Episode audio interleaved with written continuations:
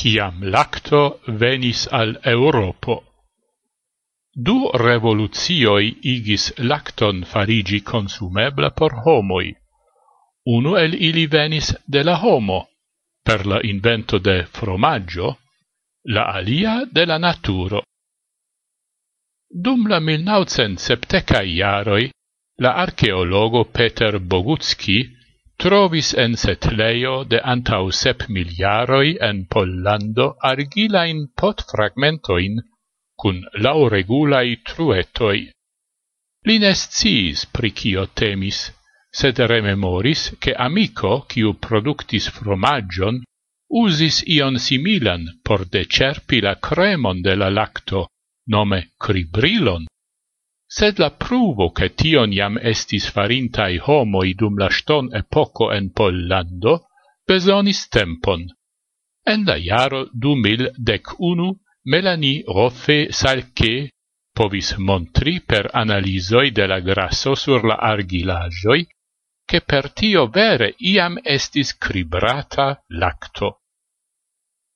Per tio lacto farigis consumebla, Tion estis rimarkintaj iam la unuaj agriculturistoi kiwi antau dec unu mil jaroi kutimigis bestoin al kunvivado kun homo en Anatolio. Pri la lacto tiam versaine neiam temis. Cruda lacto por la tiamai homoi estis apenau consumebla, gi ec por plei multo de hodiauai homoi neiam estas consumebla. Nur infanoi povas engluti gin sen probleme. Ili havas enzimon, nome lactason, kiu malconstruas la lactan sukeron, la lactoson.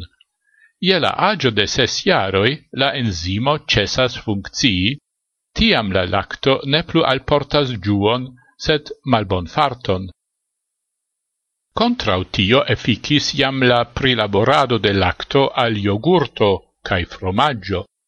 Feta fromaggio en havas mal multe da lactoso, malmola fromaggio ciel la parmigiano appenao en havas gin.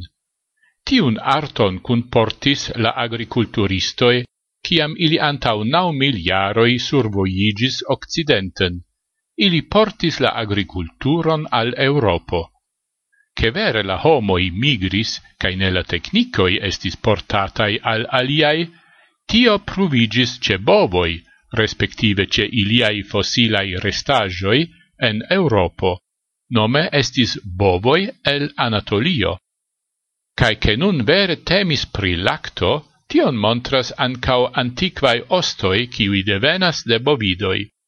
Tiwi bovidoi estis bucitai iam en tre frua agio, nome ciam la homoi intensis melci la bovinoin.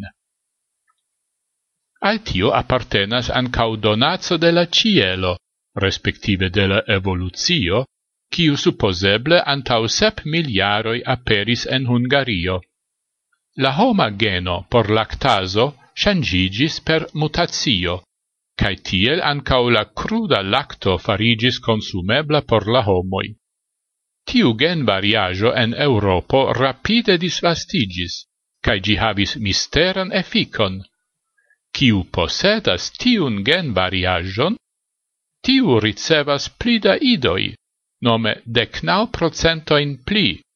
Tian efikon havas neniu variajo de alia geno.